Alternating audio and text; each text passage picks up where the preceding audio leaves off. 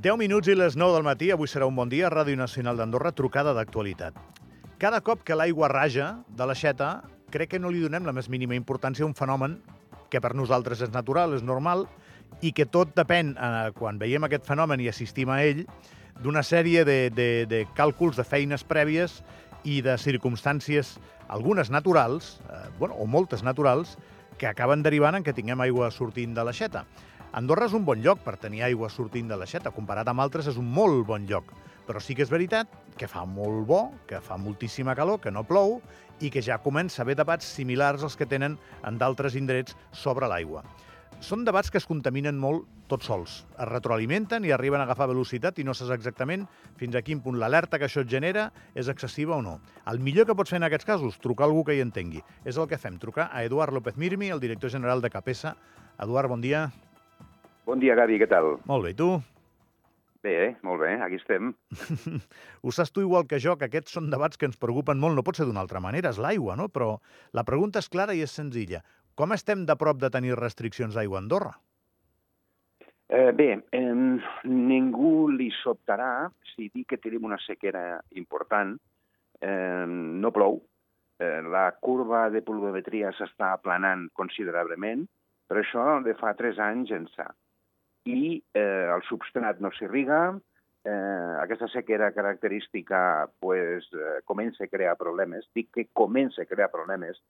Mm, els responsables tècnics parroquials de la gestió de l'aigua eh, o sigui, els responsables de cada un dels sets comuns, i ens reunim paulatinament, ens reunim de forma, de forma sovintejada eh, per parlar, per posar, diguéssim, en conjunt les nostres experiències, i és veritat que en aquest moment, si volem ser concrets, eh, les valls del nord tenen, tenen problemes per emplenar els seus dipòsits, no es parla de restriccions, però sí que es parla de preocupació.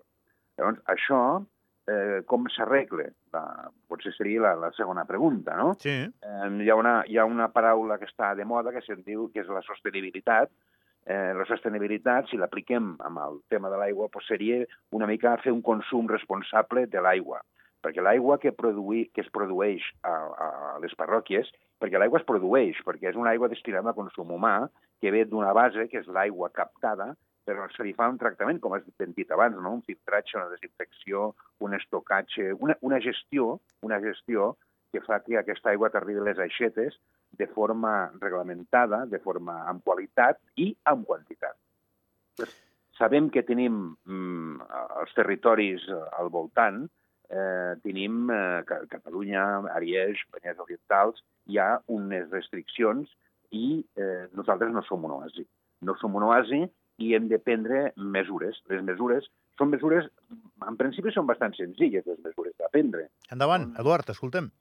Sí, perdó? No, que quines mesures, Eduard, que, que, que sí. Eh, vaig, vaig entrant a la conversa a mesura que vas prosperant, sí, sí. sí. Le, les primeres mesures eh, són de, de, de, una mica de, de veure la, la xarxa com la tens, no?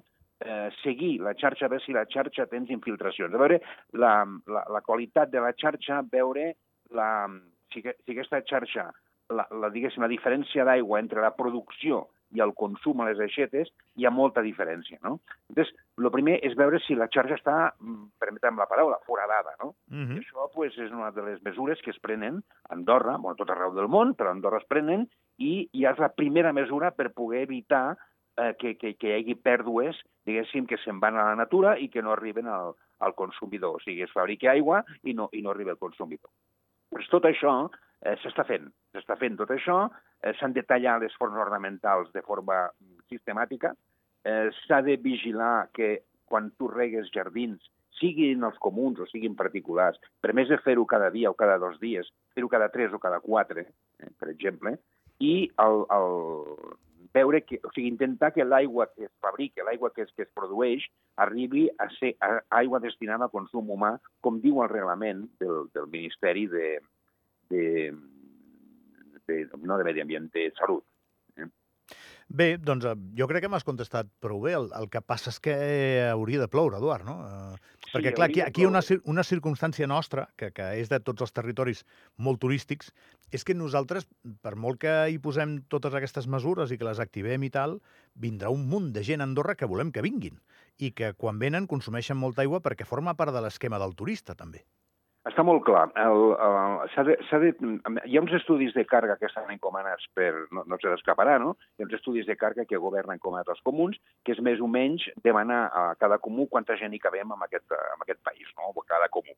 Llavors, eh, hi ha molts paràmetres a mirar perquè le- le- les poblacions s'han de construir en funció de, del, del, del, de la, del, del, del que tinguis, no? del, de les matèries que, que tinguis, com per exemple l'aigua, com per exemple les clavegueres, com per exemple els equipaments, com exacte, etc. No? L'aigua és un dels paràmetres importants que marquen una càrrega de, de, de, de, de, diguéssim, de població. No? Entonces, probablement no sigui la més, la, la més, la més eh, que ens apreta més. La que ens apreta més potser sigui la mobilitat.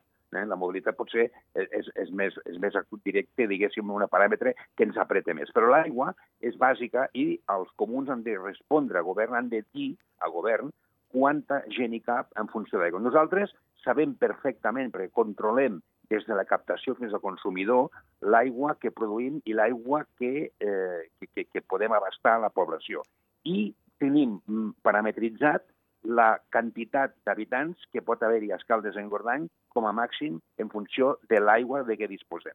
Aquesta és una, una, una de les premisses bàsiques que necessita un comú, un govern per prendre decisions a nivell de càrrega de la seva, de la seva població. No?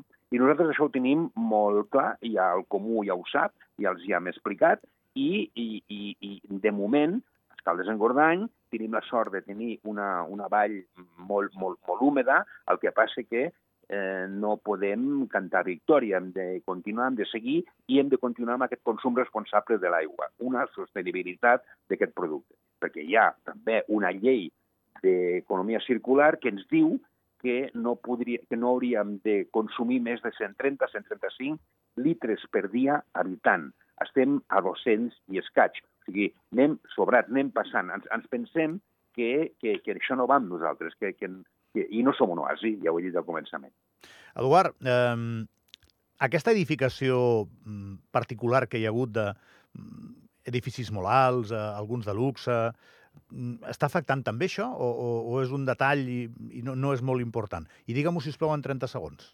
Sí, sí, no, no, no afecta perquè nosaltres hem, hem parametritzat, com dit abans, una quantitat d'habitants que pot haver-hi a Escaldes en Gordany. I eh, la construcció d'aquestes torres o la diferència de nivell a nivell d'alçada per les, la pressió de què pugui arribar, no hi ha absolutament cap problema a nivell tècnic amb aquest aspecte. El problema és que no podem passar-nos de la quantitat que, que, que, que, que, que tenim parametritzada. No? Molt bé. Sí.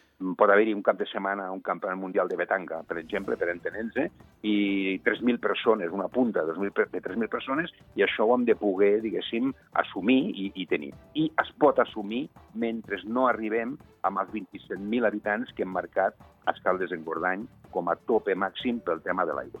Eduard López Mirmi, director general de Capesa, gràcies pel teu temps i bon dia. Bon dia. Que vagi molt bé.